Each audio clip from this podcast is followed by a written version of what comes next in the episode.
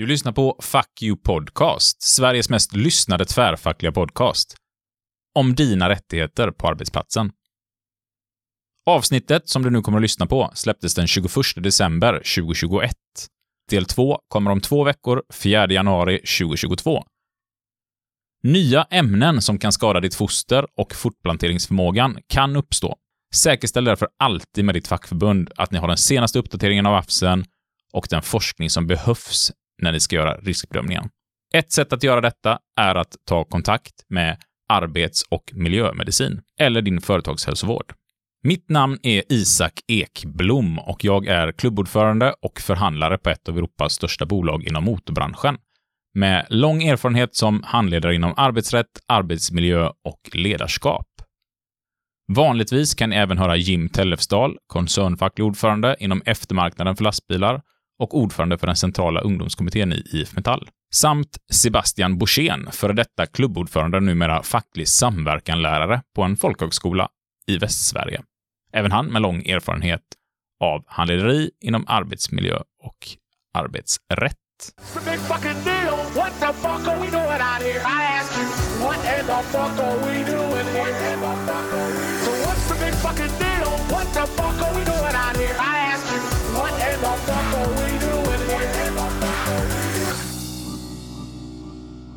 Hjärtligt välkomna ska ni vara till avsnitt 50 av Fuck You Podcast. Dagens avsnitt kommer handla om AFSen 2007 kolon 5, gravida och ammande arbetstagare. Jag är nästan helt säker på att vi kommer ha en hel del nya lyssnare på det också som eh, kanske är gravida, ammande och vill veta om sina rättigheter på arbetsplatsen och vad som gäller. Så vi kommer ha det här avsnittet lite specialanpassade för er. Men vill även tipsa er om att det finns tidigare avsnitt som handlar om riskbedömningar och systematisk arbetsmiljö som kan vara till stor hjälp att lyssna på om man är gravidammande och eh, ska sitta och göra sådana här riskbedömningar. Vill även tala om att man bör kontakta sitt fackförbund för att få hjälp och stöd i det här och framförallt kanske hjälp av ett regionalt skyddsombud om man inte har en lokal facklig organisation med skyddsombud. Och är man ändå inte medlem så är det ett fantastiskt tillfälle att gå med i ett fackförbund för att där får ni även hjälp med extra ersättningar, alltså försäkringar. Väldigt många kollektivavtal innehåller pengar man kan få ut vid graviditet, alltså extra ersättning och kanske in till pension och lite sånt där. Så att eh, ta kontakt med det fackförbundet ni har och titta vad finns i vårt kollektivavtal. Dessutom så är det ett väldigt viktigt skydd under graviditeten, för det är många kvinnor och även män som tar föräldraledigt som råkar ut för skit och blir missgynnade på grund av föräldraskapet tips är även att fortsätta följa podden sen, för vi kommer ha program som går in på föräldraledighetslagen och de försäkringar som finns. Dagens avsnitt. Vi kommer gå igenom de allmänna råden och AFSen 2007 5, gravid och ammande arbetstagare. Vi kommer ge massa tips riskbedömningar, saker som är bra att tänka på och faror på jobbet som kan skada fostret. Och vi kommer ha information från arbets och miljömedicin och den har vi valt att ta från Västra Götalandsregionen, alltså Salgrenska universitetssjukhuset. När man jobbar med sådana här AFSar så, så är det Arbetsmiljöverket som tar fram dem och AFS står för Arbetsmiljöverkets författningssamling. Och det är juridiskt bindande, så det, det blir precis som en lag, men det behöver inte gå via vår regering, utan det är en myndighet som kan stifta regler om vad som gäller till skillnad från lagarna vi har så finns det också allmänna råd. Och jag tänkte att jag ska börja läsa lite ur de allmänna råden så att ni som lyssnar får en bra bild av vad AFSen handlar om och varför den finns. Reproduktionsstörningar kan gälla dels störd fortplantningsförmåga hos både kvinnor och män, dels avkommans utveckling i livmodern och efter förlossningen fram till puberteten, fosterskador. Vissa kemiska ämnen, biologiska agens, eller andra faktorer kan vara direkt reproduktionsstörande. Det visar sig som minskad fruktsamhet, fertilitet eller ofrivillig barnlöshet, sterilitet, genom att till exempel bildning av sädesceller hos mannen skadas eller att befruktningen störs på annat sätt. Skador på könsceller kan bestå av förändringar i cellens arvsmassa orsakade av till exempel mutagena ämnen. Ett foster kan påverkas skadligt både av mutagena ämnen och av ämnen som påverkar det direkt utan att arvmassan skadas, teratogena ämnen. Fostret kan påverkas under ett mycket tidigt skede av graviditeten, redan innan den är konstaterad, men också senare under tillväxtperioden. En fosterskada kan leda till olika effekter, såsom missfall, missbildningar eller andra utvecklingsrubbningar och sjukdom. Vid en graviditet inträffar stora fysiologiska förändringar. Kroppskonstitutionen förändras, till exempel ökar blod och plasmavolym, fettdepå, kroppsyta. Upptag och omsättning av kemiska ämnen kan påverkas. Hormonbalansen förändras och är under graviditeten också extra känslig för störningar. Det är viktigt att arbetsgivaren undersöker arbetsförhållandena och bedömer arbetsmiljöriskerna. Arbetsgivaren ska vidta förebyggande arbetsmiljöåtgärder för att undanröja eller minska konstaterade risker. De allmänna råden är avsedda för att vara till hjälp när man bedömer vilka åtgärder som ska vidtas. Misstankar om risker för ohälsa och olycksfall i samband med graviditet och amning ger ofta upphov till stark oro. Vid riskbedömning ska man även ta hänsyn till detta. Det kan vara nödvändigt att anlita sakkunnig hjälp från till exempel företagshälsovård eller arbets-, yrkes och miljömedicinsk klinik vid riskbedömning. Amning. Amningreglerna i föreskriften gäller också under amningsperioden. Vissa smittämnen och kemiska ämnen kan utsöndras i modersmjölk. Och då kan det ammande barnet exponeras. Det kan därför vara nödvändigt att begränsa ammande arbetstagares exponering för sådana ämnen. Man har idag begränsade kunskaper om hur specifika ämnen utsöndras i bröstmjölken. Det är känt att vissa metaller som bly, kvicksilver och vissa fettlösliga ämnen, till exempel en del miljögifter, läkemedel, nikotin, kotenin och organiska lösningsmedel som tetrakloretylen och koldisulfid kan överföras till bröstmjölk. Det är mindre sannolikt att andra mer vattenlösliga ämnen överförs. Vissa ämnen kan utsöndras i mjölken även om det inte pågår under någon exponering. Om kvinnan tidigare har varit långvarigt exponerad av tungmetallerna bly, kadmium eller för vissa bekämpningsmedel kan dessa ha lagrats i kroppen. Det kan frigöras vid amning och överföras till bröstmjölk. Vid amning är det också viktigt att uppmärksamma att skadliga ämnen kan överföras till barnet via kläder eller hud som kontaminerats av ämnen som modern kommit i kontakt med. Och det här är ju väldigt, väldigt tunga allmänna råd. Man blir nästan lite så här eh, rädd för att skaffa barn själv när man läser om detta, speciellt om man arbetat i en sån arbetsmiljö. Och lite av det tänkte vi att vi ska prata om idag. Och jag har med mig en gäst i studion som heter Jessica Svärnvik, som är vice huvudskyddsombud faktiskt på företaget där jag jobbar och har varit det i ganska många år här. Eh, hon är också styrelseledamot och eh, i grund och botten bilplåtslagare och har varit det ganska länge men nyligen gått över till att bli biltestare och det är väl lite att jämföra med en besiktningsman skulle man kunna säga. Och hon har ju själv genomgått en graviditet i en arbetsmiljö med otroligt mycket risker, för det är det vi har i vår motorbransch. Vi utsätts nästan för alla de här riskerna i ja, gravid och ammande afsen. Inte så mycket av gruvarbetet, men nästan allting annat och därför tyckte vi att det går knappt att ha en bättre gäst med oss. För du har också suttit i det här Jessica, du har gjort riskbedömningarna, omplaceringsförhandlingarna satt du själv med i, du förhandlade din lön under omplacering och lite allt möjligt. Så varmt välkommen till dig Jessica. Mm, tack så mycket. Det här var det lite dina uppdrag. Men vem är Jessica när du inte är, är vice huvudskyddsombud och springer omkring och förhandlar på arbetsplatserna? Vem, vem är du då? Ja, jag är en helt vanlig tjej egentligen. Jag har ett litet barn som är ett och ett halvt år. Freja heter hon. Eh, annars på fritiden så mm, sysslar vi lite med bilar, jag och min man ganska stort bilintresse och har haft i många, många år. Både kör och ställer ut och lite allt möjligt? Ja, eh, speciellt innan man fick barn så var det mycket bilutställningar och lite barnkörning och lite sådant. Och nu har du bytt ut barnkörningen till barnkörning då? Ja. Exakt. Ja, så jäkla rolig ordvits. um, ja, vi ska börja någonstans där AFSen faktiskt börjar gälla. Vi kommer ju gå igenom hela AFSen här sen, så börjar den princip gälla när man talar om för sin arbetsgivare att jag är gravid. Det är svårt och, för arbetsgivaren att agera innan. Men hur, hur, ska vi börja där? Ja, jag kände ju att eh, jag var ju tvungen att berätta för min chef direkt när jag visste att jag var gravid. Då behöver han ha informationen för att jag hade ett sådant jobb som gör att jag blir utsatt för mycket kemikalier och det buller och vibrationer. Och det är liksom kanske till och med innan man normalt vill berätta för omgivning och vänner och familj liksom. Ja, exakt. Jag kände inte mig helt bekväm med att berätta i så tidigt skede. Speciellt inte för en chef eller för kanske sina arbetskollegor, utan det vill man hålla lite för sig själv. Det, det, brukar vara det naturliga, liksom. speciellt om man kanske inte känner att ja, men man vet inte hur det går och det kan ju hända saker tidigt i graviditeten, så kanske man känner att ja, men vi vill hålla detta inom familjen, men du blev ändå tvungen att liksom ja, ta det steget väldigt, väldigt tidigt på grund av arbetsmiljön på ditt jobb. Ja, exakt. Så jag gick ju till min chef och eh, berättade att jag har blivit gravid. Han eh, reagerade på ett ganska speciellt sätt. Och vi kan väl hänga ut det, för den chefen är inte kvar i vårt bolag i alla fall, så att vi kan väl ändå hänga ut reaktionen där. Ja, exakt. Eh, det kan man tycka att eh, man inte ska reagera på sånt sätt. Eh, han, jag tror han knappt ens sa grattis eller var, verkade glad, utan det var lite mer att, jaha, nu får ju dina kollegor jobba övertid då, för du kan ju inte vara i, i verkstaden. Precis den reaktionen man vill ha. Ja, eller hur. Jag kände ju att eh, jag fick lite dåligt samvete nästan, att jag hade blivit gravid och vi hade ändå försökt liksom ganska länge och det här var en jätte, jätteglad nyhet för våran del. Och då, det tog han liksom lite bort. För vi som kände dig väldigt nära visste, precis som du säger, att ni hade försökt väldigt länge och det hade varit otroligt kämpigt.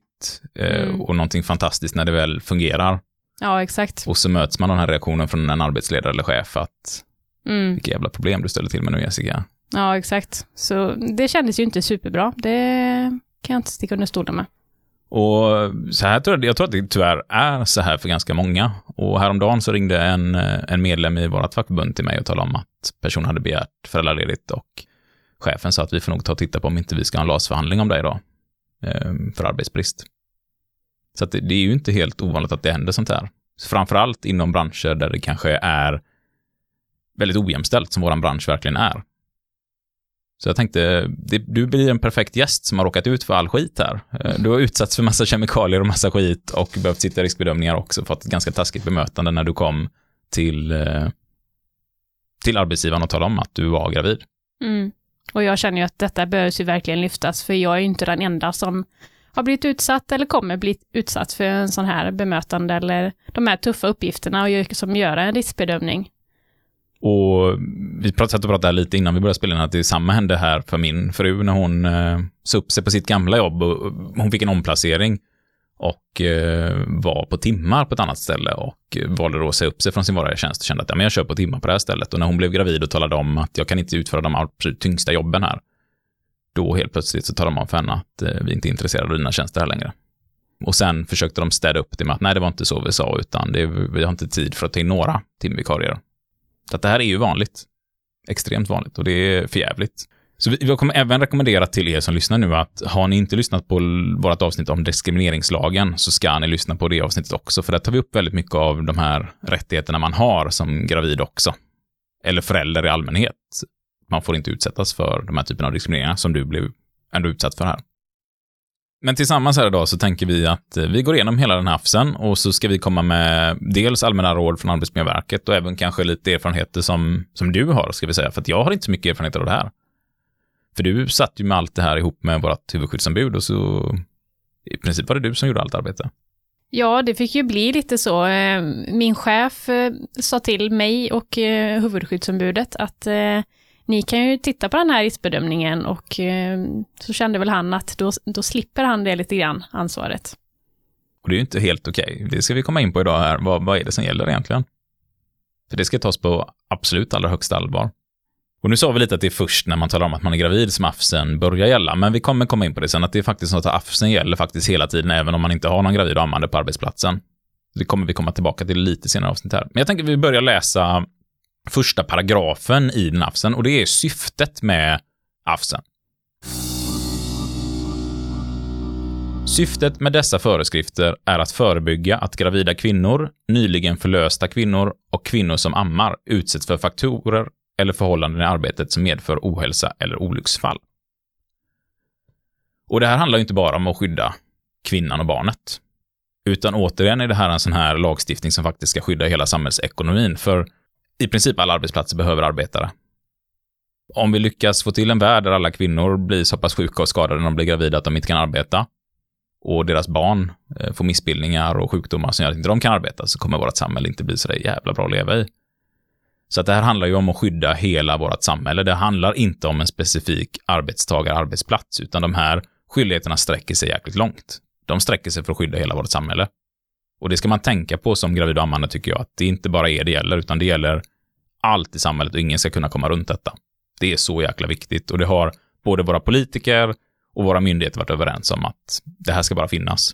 Och det är klart att det har inte kommit helt från ingenstans, utan det är ju för fackföreningarna har drivit de här frågorna i många, många år och fortsatt. Vi fortsätter att driva en mängd olika typer av frågor om jämställdheten vid graviditet. Vi har fortfarande stora skillnader i inkomster, vi har fortfarande stora skillnader i vad du får i ersättning när du är föräldraledig och liknande.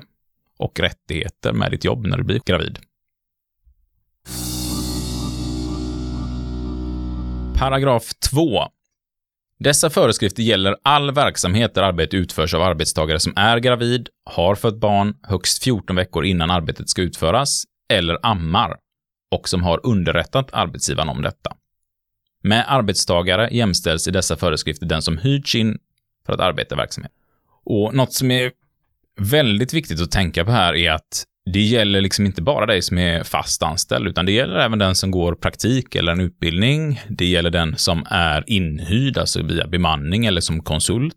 Det gäller även på ensamföretag och familjeföretag. Så att har man ett eget företag och är sin egen arbetsgivare så är man skyldig att följa den AFSen gentemot sig själv också.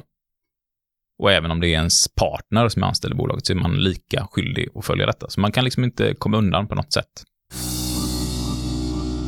Paragraf 3. Samverkan. I de undersökningar och riskbedömningar som arbetsgivaren behöver göra för att uppfylla kraven i dessa föreskrifter ska arbetsgivaren samverka med kvinnan som avses i andra paragrafen. De allmänna råden här från eh, Arbetsmiljöverket talar också om att det är ju en förutsättning här i den här samverkan att skyddsorganisation är med, arbetsgivaren ska vara med, men även då arbetstagaren i det här fallet. Din arbetsgivare där smet ifrån lite riskbedömning att sitta med. Ja, exakt. Och det är ju viktigt för att uppnå en bra arbetsmiljö för gravida och ammande kvinnor. Så är det ju jätteviktigt att de själva medverkar i de undersökningar och riskbedömningar som gäller deras egna arbetssituation. För alla är inte alla är inte helt lika och ser på saker på olika sätt. Det som oroar mig kanske inte oroar dig och det kanske oroar någon annan jättemycket mer. Ja, och det här är saker man ska ta hänsyn till i riskbedömningen, även den psykosociala arbetsmiljön och hur man känner inför saker och ting. Och jag vet att i ditt fall så slutade det i alla fall i en omplacering. Ja, exakt. Det löste sig på ett väldigt bra sätt. Eh, jag blev omplacerad till eh, en annan anläggning och till ett annat jobb, då som eh, skaderådgivare. Och vi, vi lyfte ju problematiken högre upp i bolaget och då togs det ju lite mer på allvar kan man definitivt säga i alla fall. Ja, för det var inte enkelt för dem heller, för det här var ju första gången egentligen som detta hade hänt i vårt företag. Dessförinnan så var det en, en tjej som jobbade på en lackeringsverkstad och hon gick hem eh, direkt och på gravidpenning egentligen. Och jag kände att jag ville jättegärna jobba istället för att vara hemma. Och här blev det ju så viktigt också att du var med, tänker jag, för att här sitter man ju också och tittar då på, men, eh, nu, vi kommer komma in på omplaceringsmöjligheterna lite senare här, men vad kan du? Vad vill du? Alltså vad känner du inför de här olika arbetsuppgifterna? Och du, du kände ju att det fanns mycket saker du kunde göra och ville göra och utvecklas i. Så där kunde vi ju hitta, eller ni kunde hitta bra omplaceringsmöjligheter.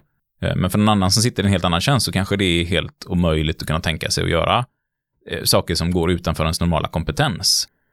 Därav är det ju så extremt viktigt att man sitter med i de här riskbedömningarna och kan vara med.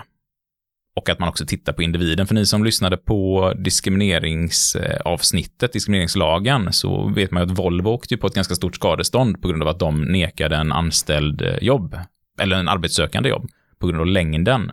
Och det var för att man bara drog alla människor under 1,68 över en kam och sa att de är likadana allihopa. Och man utgick inte från individen. Hur är axlarna placerade? Hur är fysiken hos den individen? Och likadant är det här. Eh, när man tittar på allt som har med lyft och det psykosociala, att man måste verkligen titta på hur är individen? Och då är det en förutsättning att man är med i de här riskbedömningarna. Och i ditt fall var inte chefen med, men det ska ju chefen givetvis vara. För det är ju chefen som ska stå in försvars för allt detta också. Man har ett arbetsmiljöansvar och man kan ju bli personligt skadeståndsskyldig. Man kan eh, få personliga fängelsestraff i värsta fall också som chef om man inte följer detta. Och tänk på det att eh, ni har alltid rätt att eh, bli företrädda av ett skyddsombud du som vice huvudskyddsombud och huvudskyddsombudet satt ihop och gjorde detta. Så du var inte helt ensam i det i alla fall. Nej, vi var ju i alla fall två som eh, båda kunde lära oss av detta och, och, ha med oss i, i framtiden. Ja, och hur hade du känt tror du om du hade fått sitta helt själv i detta? Om du hade varit, om du hade varit det enda skyddsombudet nu och fått sitta själv i detta, hur hade det känts? Det hade ju blivit väldigt övermäktigt. Det är väldigt mycket att sätta sig in i och, och man behöver eh, stöd och hjälp och kunna samtala med någon och så du, du som är skyddsombud lyssnar på detta och gravid och ammande och du kanske är ensam skyddsombud. Gör som så att ta kontakt med din, eh, ditt fackförbund och se om ett regionalt skyddsombud kan sitta med och göra detta. Det är väl vårt tips där. Sitt inte ensam i alla fall. Paragraf 4 ska vi komma in på nu och den handlar om undersökning och riskbedömning. Och tips på riskbedömning, det kommer vi komma in på lite senare i programmet. Dels så kommer vi gå igenom lite vad du satt med Jessica, men vi kommer också titta på Arbetsmiljöverkets eh, rekommendationer på vad man ska titta på. Paragrafen lyder i alla fall så här. En arbetsgivare som blivit underrättad om arbetstagarens tillstånd eller förhållanden enligt andra paragrafen ska genast undersöka om kvinnan i sitt arbete utsätts för någon av arbetsmiljöfaktorerna eller arbetsförhållandena som anges i bilagan till dessa föreskrifter eller därmed jämförbara förhållanden. Arbetsgivaren ska vidare bedöma risken för skadlig inverkan på graviditet eller amning eller för annan ohälsa. Vid riskbedömning ska hänsyn tas till arten, graden och varaktigheten av exponeringen. Arbetsgivaren ska därefter avgöra vilka åtgärder som behövs vidtas. Och det, det, här är en väldigt stark paragraf, men kanske ganska svår att hänga med i. Vad betyder allt detta? Men, men kortfattat, alltså man ska göra en ordentlig riskbedömning och bara det, riskbedömningar är ju ett avsnitt i sig i podden här. Men som skyddsombud, lite kortfattat sådär Jessica, vad en riskbedömning, eh, vad tittade ni på liksom, om du gör det väldigt kortfattat nu?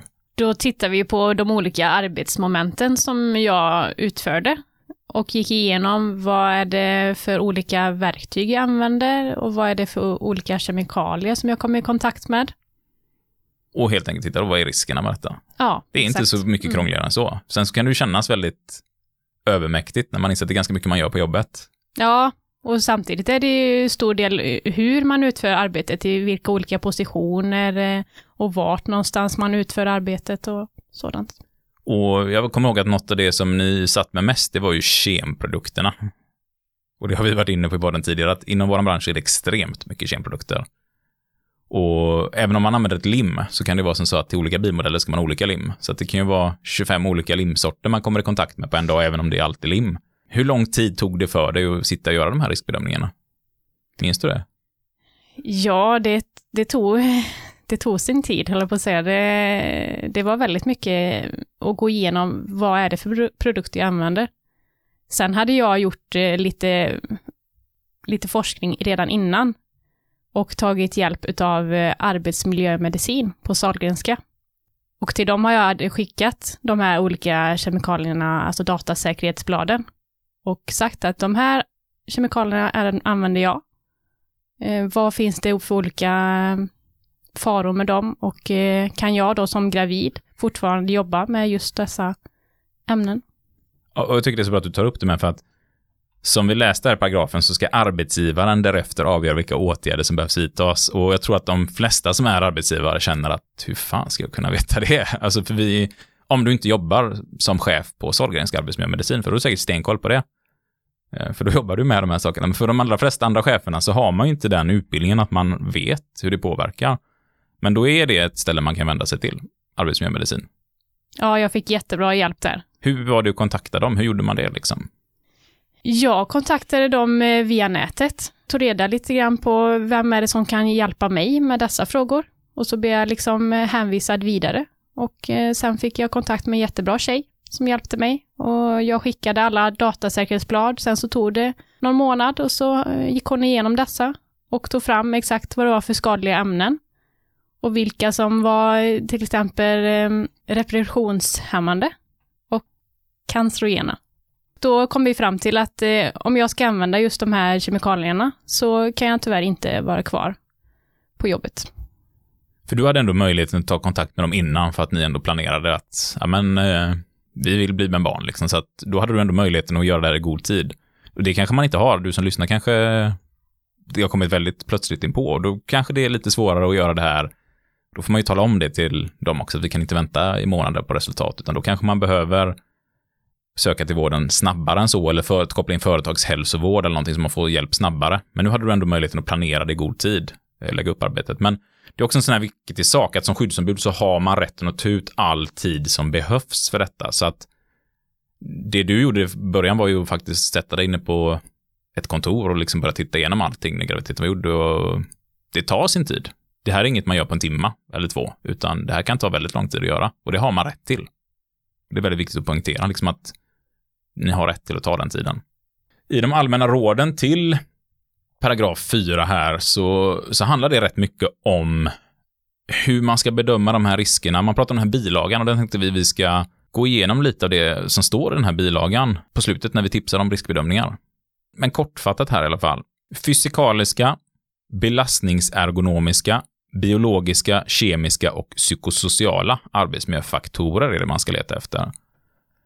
Um, och det, det, kan ju vara liksom allt ifrån lyft som du var inne på, buller, kemprodukter, avsaknad av dagsljus, eh, alltså ett nattarbete kan vara en sån sak, eh, kunder, eh, stress, alltså allt som egentligen berör arbetsmiljö. Och någonting som jag tycker är väldigt bra är när man sitter med den aften så börjar man ju fundera på hur fan är arbetsmiljön vanligtvis då för den som inte är gravid och ammande? Den kanske inte är så jäkla bra. För det är klart att det, det, det, när man är gravid och ammande så förstärks ju allt det här och kan påverka extra mycket. Men är det så sunt att vi utsätts för detta vanligtvis i yrket? Det är ju frågan liksom.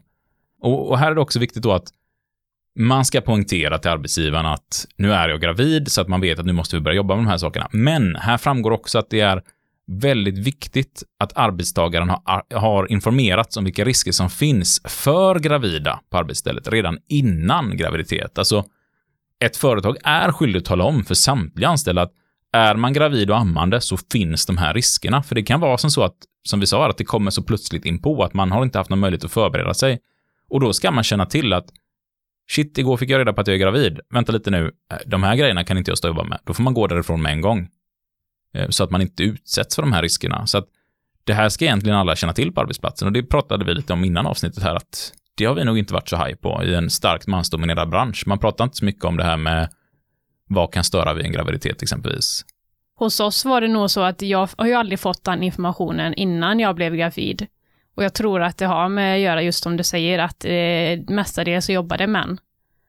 Så de vet inte helt enkelt hur, hur det här ska bemötas. Nej, och man tänker inte så mycket på just de punkterna, men ju mer man börjar läsa på det också, ju mer orolig blir man ju själv för att nästan allting som påverkar gravida påverkar ju oss allihopa, men kanske inte i samma utsträckning på samma sätt. Men vi har en hel del mutagena ämnen som faktiskt vi har tagit upp här i podden. Bensen är en sån som finns i vanlig bensin, som vi jobbar väldigt mycket med. Ja, att det kan påverka våran avkomma. Så att står jag och jobbar med bensin som 20-åring så får barn när jag är 45 så kan mina barn få skador på grund av det här bensenet som som jag har jobbat med som har eh, genmuterat. Och det, det är någonting vi kanske inte tänker på att ta upp och det är någonting vi borde prata om innan. Och eh, vi är lite inne på det här att ni fick kämpa en hel del för att lyckas bli gravida. Man börjar ju fundera lite så det här, vad är det för grejer när man andas in på jobbet och sådär. Och vi har väldigt många inom branschen som har problem med det. Vi ser på SVT här på Vetenskapens Värld som kom nyligen om vanliga plaster vi får i oss i vardagen, vanliga livsmedelsprodukter som faktiskt innehåller väldigt mycket ämnen som kan störa eh, våran utveckling, kan stödja våran fertilitet och eh, spermieproduktion. Och jag tror i någon sån här stor undersökning så var det danska män som bara har kvar 60% av spermienivån eh, gentemot vad man hade på 70-talet. Så det är en rejäl sänkning. Så att vi borde ju vara väldigt mycket mer engagerade i de här frågorna även vi män som jobbar inom en mansdominerad bransch och bryr oss om det. Och jag tror att ju mer man tittar i de här afsarna, ju mer mörkrädd blir man. Och det är lätt att man nästan vill stoppa huvudet i sanden som en struts och liksom inte se, för att det, det här är ju mycket skit alltså. Hur var det liksom när du ändå började titta på alla kemikalier och inse att vad är det vi stoppar i oss? Ja, redan där och då börjar man ju fundera att eh, även om jag inte hade varit gravid så hade jag kanske inte ändå velat utsätta mig för de här skadliga ämnena. Och då tänker man då på de som har stått eh, kanske i 40 år i branschen. Hur har det påverkat dem? Och nu har vi ändå liksom som bly har vi i princip tagit bort ur våran bransch. Det ska vara borttaget överallt. Eh, men det är ju ett sånt ämne som de som är lite äldre än oss har stått och jobbat med väldigt, väldigt mycket, som lagras i kroppen i all evighet som man vet stör enormt mycket. Vi har också pratat om byggarbetare som står med asbest och det var ju så att eh, det var inte bara byggarbetarna som jobbade med asbesten som dog av det, utan man hade det med sig på kläderna hem, som den här afsen också talar om, att man måste tänka på arbetskläderna, att man ser till att inte ta med sig dem hem, speciellt om man har små barn. För det är de små, ja, de springer hem och kramar oss när vi kommer hem efter jobbet och de är i princip i den höjden där allt damm har hamnat under dagen. Eh, låren, magen och där fastnar allt farligt damm som de andas in. Och man såg att väldigt många barn dog av asbestskador, vilket är extremt tragiskt. Och aldrig tvätta era arbetskläder ihop med vanliga kläder. Om ni nu jobbar med sådana ämnen. Vi, vi kommer ju komma in ännu mer på de här riskbedömningarna längre fram i avsnittet här. Men det är också viktigt att tänka på att om inte den egna kompetensen räcker till så ska arbetsgivaren enligt bestämmelserna i föreskriften om systematisk arbetsmiljöarbete anlita sakkunnig hjälp. Och då kan det vara företagshälsovården eller som ni gjorde här, arbets och miljömedicinska kliniken. Eller som du gjorde kanske ska säga. Kostade det dig någonting när du tog kontakt med dem? Nej, det kostade ingenting. Och det är bra att tänka på att även om ni känner att ni inte får något stöd från företaget, om ni får den hjälpen ni tycker, så kontakta dem och få hjälp som privatpersoner. För den möjligheten har man i vårt land, än så länge i alla fall. Vid misstanke om risk för skadlig påverkan så är det nödvändigt med en tillfällig omplacering eller ledighet under den tid som riskbedömningen pågår. Eller till att man har hittat lämpliga arbetsmiljöåtgärder. Så att utsöndra er inte för den risken, utan eh, misstänker man, alltså bara misstänker att det finns risker, så se till att ni antingen direkt blir omplacerade eller att ni får ledighet under tiden. Ja, jag tog inga, inga risker där alls, utan eh, så fort jag visste om det så sa jag till min chef och då gjorde vi så att jag satte mig ner med riskbedömningen direkt. Så jag vistades inte i verkstaden något mer, tills vi hade rätt ut vad som var skadligt och inte. Och jag kommer ihåg det, för då åkte jag ut till din arbetsplats också för att träffa dig och då satt ju du och så Andrew som har varit med i tidigare avsnitt här, eh, vice huvudskydd, eller vice, eh, nu är han huvudskyddsombud faktiskt, men vice ordförande var han ju då. Eh, och han försökte göra någon jävla rebus till mig för att jag skulle lista ut att du var gravid och då hade han lagt ett äpple i en mikro. Kommer du ihåg detta? Oj, det kommer inte jag ens ihåg. Nej, då hade han lagt ett äpple i mikro. Kolla, kolla. Titta Jessica. Och så pekade han på det och jag liksom, va? Ett äpple i en mikro? Ja, fattar du inte? Och jag tänkte, nej, jag hade ingen bulle.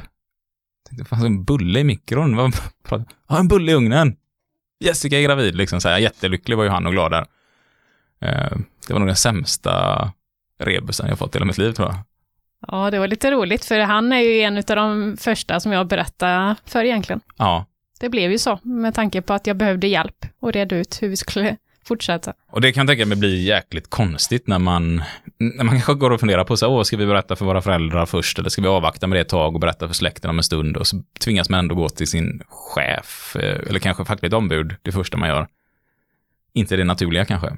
Nej, det är inte riktigt det man, man vill egentligen, men i detta läget har man ju inget annat val, utan man måste ju tänka på eh, sin och sitt barns eget bästa.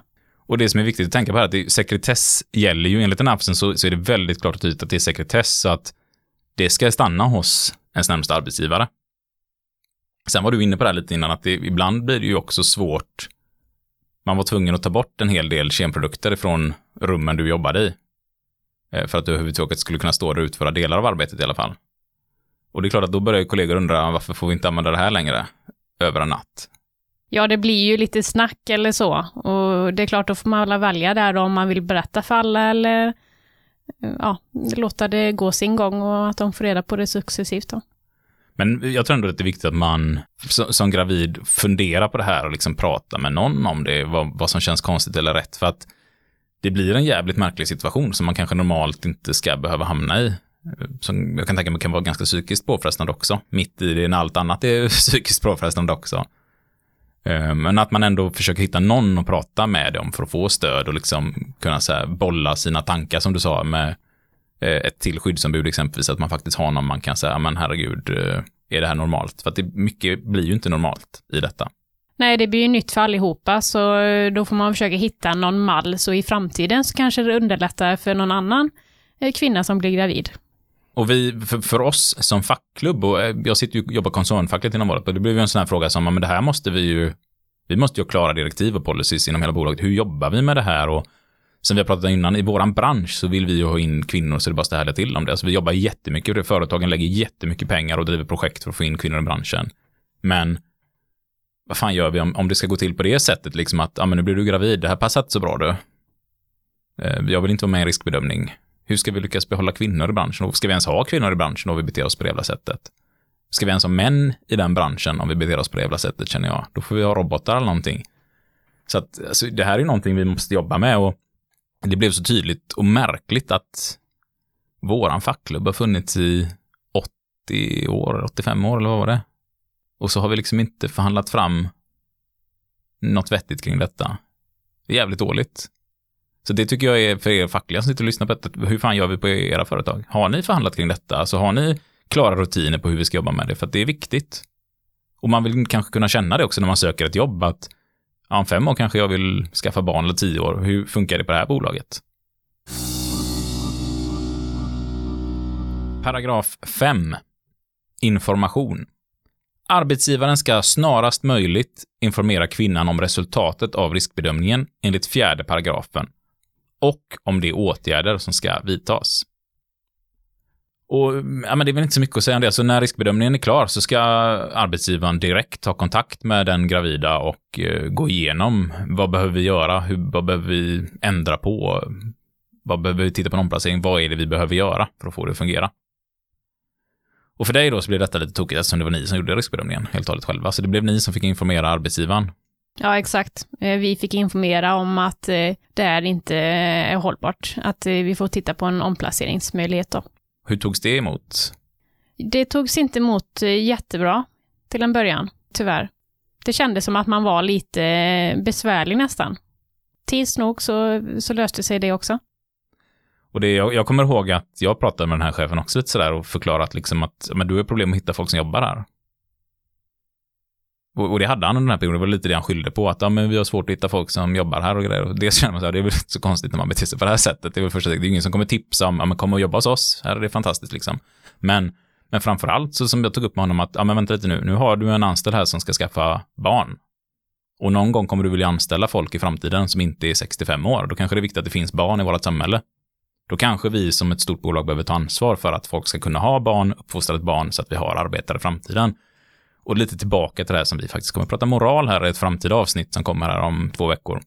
Vi måste tänka mycket längre än bara, ja, är det rättvist för den här stackars chefen eller stackars bolaget eller för den stackars anställda? Vi behöver ju tänka på, återigen tillbaka, varför finns företag? Varför finns arbeten?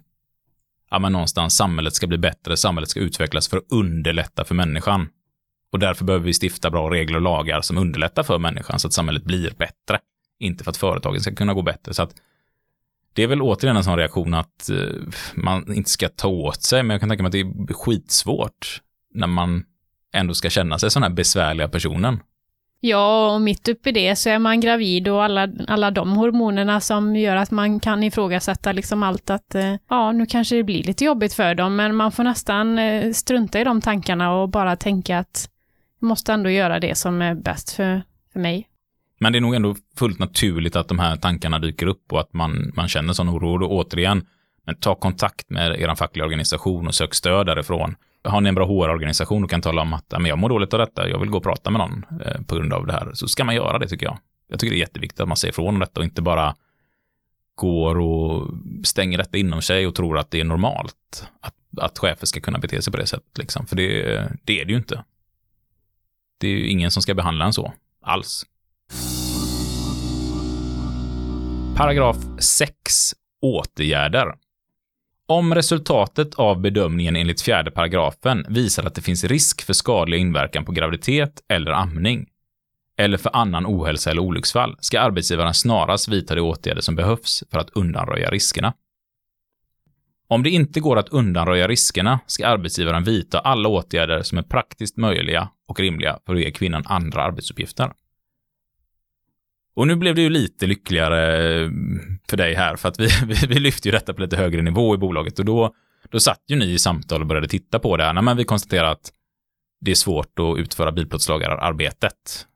För det var så pass mycket i ditt arbete som var som kan vara skadligt för fostret.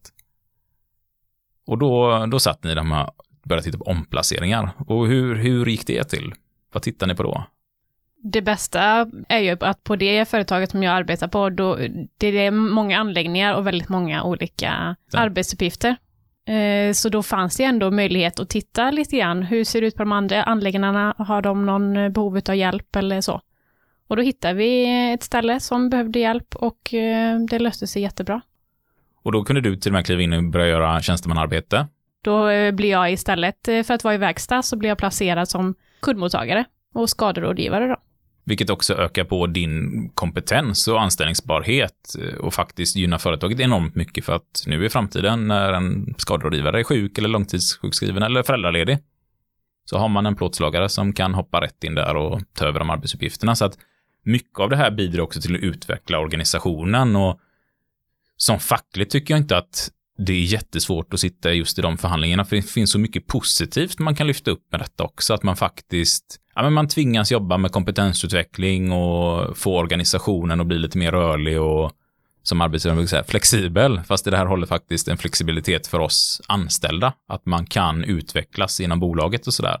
Och det är väl någonting som jag vill skicka med, för nu kanske det mycket har låtit väldigt negativt här när vi har suttit, men här hade vi ändå möjligheten i ett stort bolag att titta på alla de här sakerna. Och det vet jag att det har man inte i alla branscher. Alltså målarna vet jag har stora bekymmer med gravida och ammande arbetstagare. Att man jobbar med färg som ibland är väldigt skadlig och man kanske jobbar på ett litet målarföretag. Man är bara fyra anställda målare och det finns inga kontor utan det kanske bara är en person som sköter det. Och då är det jättesvårt. För mig var det ju väldigt eh, positivt detta att jag fick eh, chans till att, till att göra det här istället. För det har ju bara utvecklat mig. Så jag, det har ju bara varit positivt för min yrkeskarriär. Tillägga också att är nu inte omplaceringsmöjligheterna genomförbara så kan det ju vara så att det finns ju massa andra grejer man kan titta på också, så man ska inte bara ge upp det heller och gå på eh, en sjukskrivning, utan det kan ju vara så att man eh, kan ha hjälp med att få bort luftföroreningar, byta ut farliga ämnen mot mindre farliga, använda de mindre lyfthjälpmedel, och ja, men det här går vi in på sen med lite tips på i riskbedömningarna. Så det finns ju mycket man kan titta på här. Det måste inte heller bara vara omplacering eller, eller gå hem. Paragraf 7. Förbud mot arbete på grund av risker i arbetsmiljön. Kvinnan får inte sysselsättas i förvärvsarbete så länge riskerna enligt sjätte paragrafen finns kvar. Paragraf 8. Gravida och ammande arbetstagare får inte sysselsättas i blyarbete som innebär att bly eller blyföreningar kan tas upp i kroppen. En arbetstagare som har anmält till arbetsgivaren att hon är gravid får inte sysselsättas i arbete där hon riskerar att exponeras för rubella, vilket då är röda hund, eller toxoplasma, som är en form av parasit, om hon saknar fullgott immunitetsskydd mot smittämnet. Bestämmelser om förbud att sysselsätta gravida eller ammande arbetstagare i andra arbeten finns i andra föreskrifter som Arbetarskyddsstyrelsen eller Arbetsmiljöverket har meddelat. Skydd för gravida eller ammande arbetstagare mot joniserande strålning finns i särskilda föreskrifter från Strålsäkerhetsmyndigheten. Så att det gäller att ha koll på inte bara nafsen, men den hänvisar till vart man hittar det också. När ni tittar i AFSen som ni hittar på Arbetsmiljöverkets hemsida av.se. Sen kommer även paragraf 8 in på att den arbetsgivare som låter en eller flera gravida arbetstagare utföra arbete i strid med kravet i andra stycket ska betala en sanktionsavgift, se elfte paragrafen. Och det här handlar alltså om om arbetsgivaren bryter mot detta, men då åker man på en sanktionsavgift och den kan Arbetsmiljöverket fortare bara sätta att ja, men här har du en avgift du ska betala för att du har brutit mot den Så de behöver liksom inte utföra en böter som ska upp i domstol, utan de, de har rätten att utse den här sanktionsavgiften. Och det lägsta man får betala som arbetsgivare, det är 40 000 kronor. Högsta är 400 000 kronor. För den som har 500 eller fler sysselsatta så är avgiften 400 000 kronor. Och för den som har färre än 500, då räknar man ut sanktionsavgiften genom att ta 40 000 kronor plus antalet sysselsatta minus 1 gånger 721 kronor. Så att det beror på hur många anställda man har. Det kan bli väldigt dyrt. Eller halvdyrt. Så kan man säga. Men det är ju så att utsätts man för de här allvarligaste riskerna så då får man yrkesförbud. Ehm, Och då kan man väl säga att den riskbedömningen som du gjorde kom väl fram till att det blev ett yrkesförbud på ditt ordinarie arbete. Ja, det stämmer.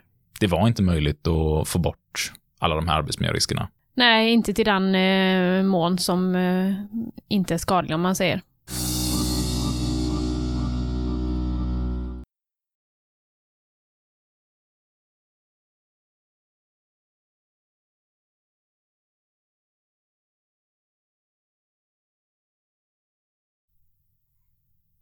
Paragraf 9.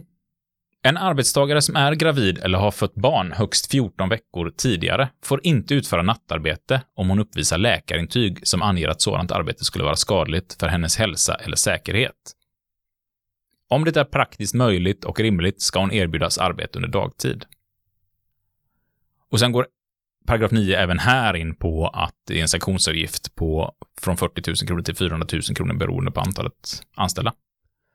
Och här behöver man ju då dock, om man jobbar natt och är gravid eller har eh, varit gravid eh, 14 veckor tidigare, så behöver man ett läkarintyg för att 100% gå ner från ett nattarbete. Så då bör man prata med sin läkare och höra med riskerna och, och lite sådär. Och normalt så, så får man ett sånt läkarintyg som talar om att du bör bli omplacerad till dag eller kanske kväll då beroende på hur det ser ut på din arbetsplats.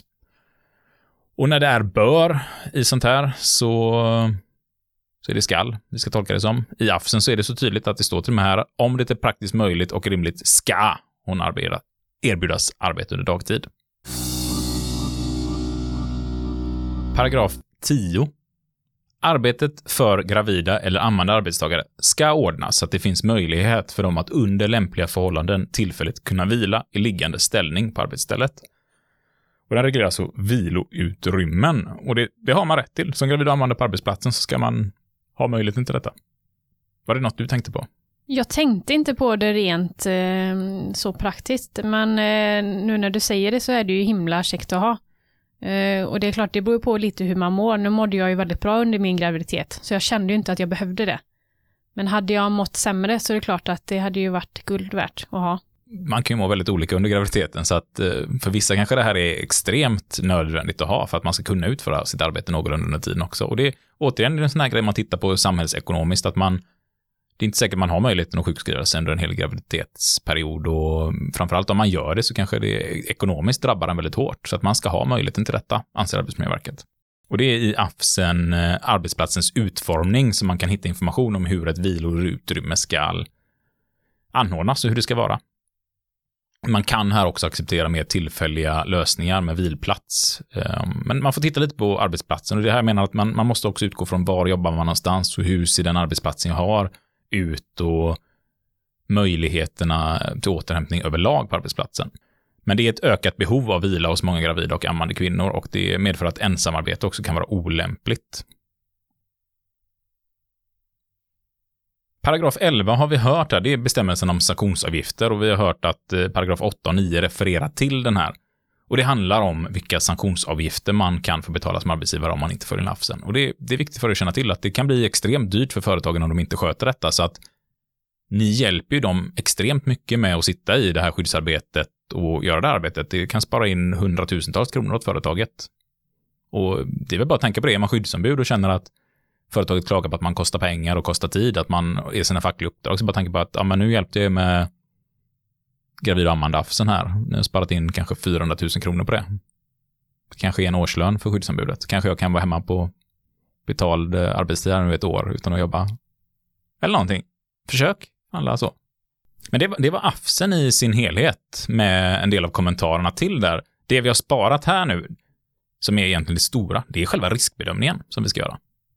Och den tänker jag att vi hoppar in på direkt i nästa avsnitt, så se till att följa och prenumerera på podden i din streamingsapp eller på sociala media. Hjälper du även oss att få lite spridning i detta. Så kommer det avsnittet om två veckor.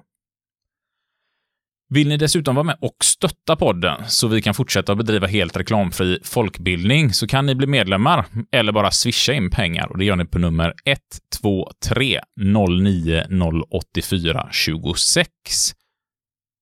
Vill man bli stödmedlem, då skriver man medlemskap samt sitt namn. Och medlemskapet gäller 12 månader och då har man rätt att komma på vårt årsmöte. Följer oss gör ni på Instagram och Facebook. Ni söker på Fuck You Podcast och mejlar oss gör ni på fuckyoupodcast.gmail.com. Och till dig som nu har lyssnat på detta, missa inte att lyssna på avsnitt 32 och 33 om diskrimineringslagen. Det kan hjälpa till otroligt mycket om det är så att det dyker upp diskrimineringsfrågor ihop med din föräldraledighet eller födsel av barn och liknande. Och avsnitt 39 om systematisk arbetsmiljö som lite mer på djupet förklarar hur går det till vid en sån här systematiskt arbetsmiljöarbete. Det kommer också komma avsnitt om föräldraledighetslagen och en hel del av de ersättningar man kan söka när man är föräldraledig samt riskbedömningar. Så häng med så hörs vi om två veckor.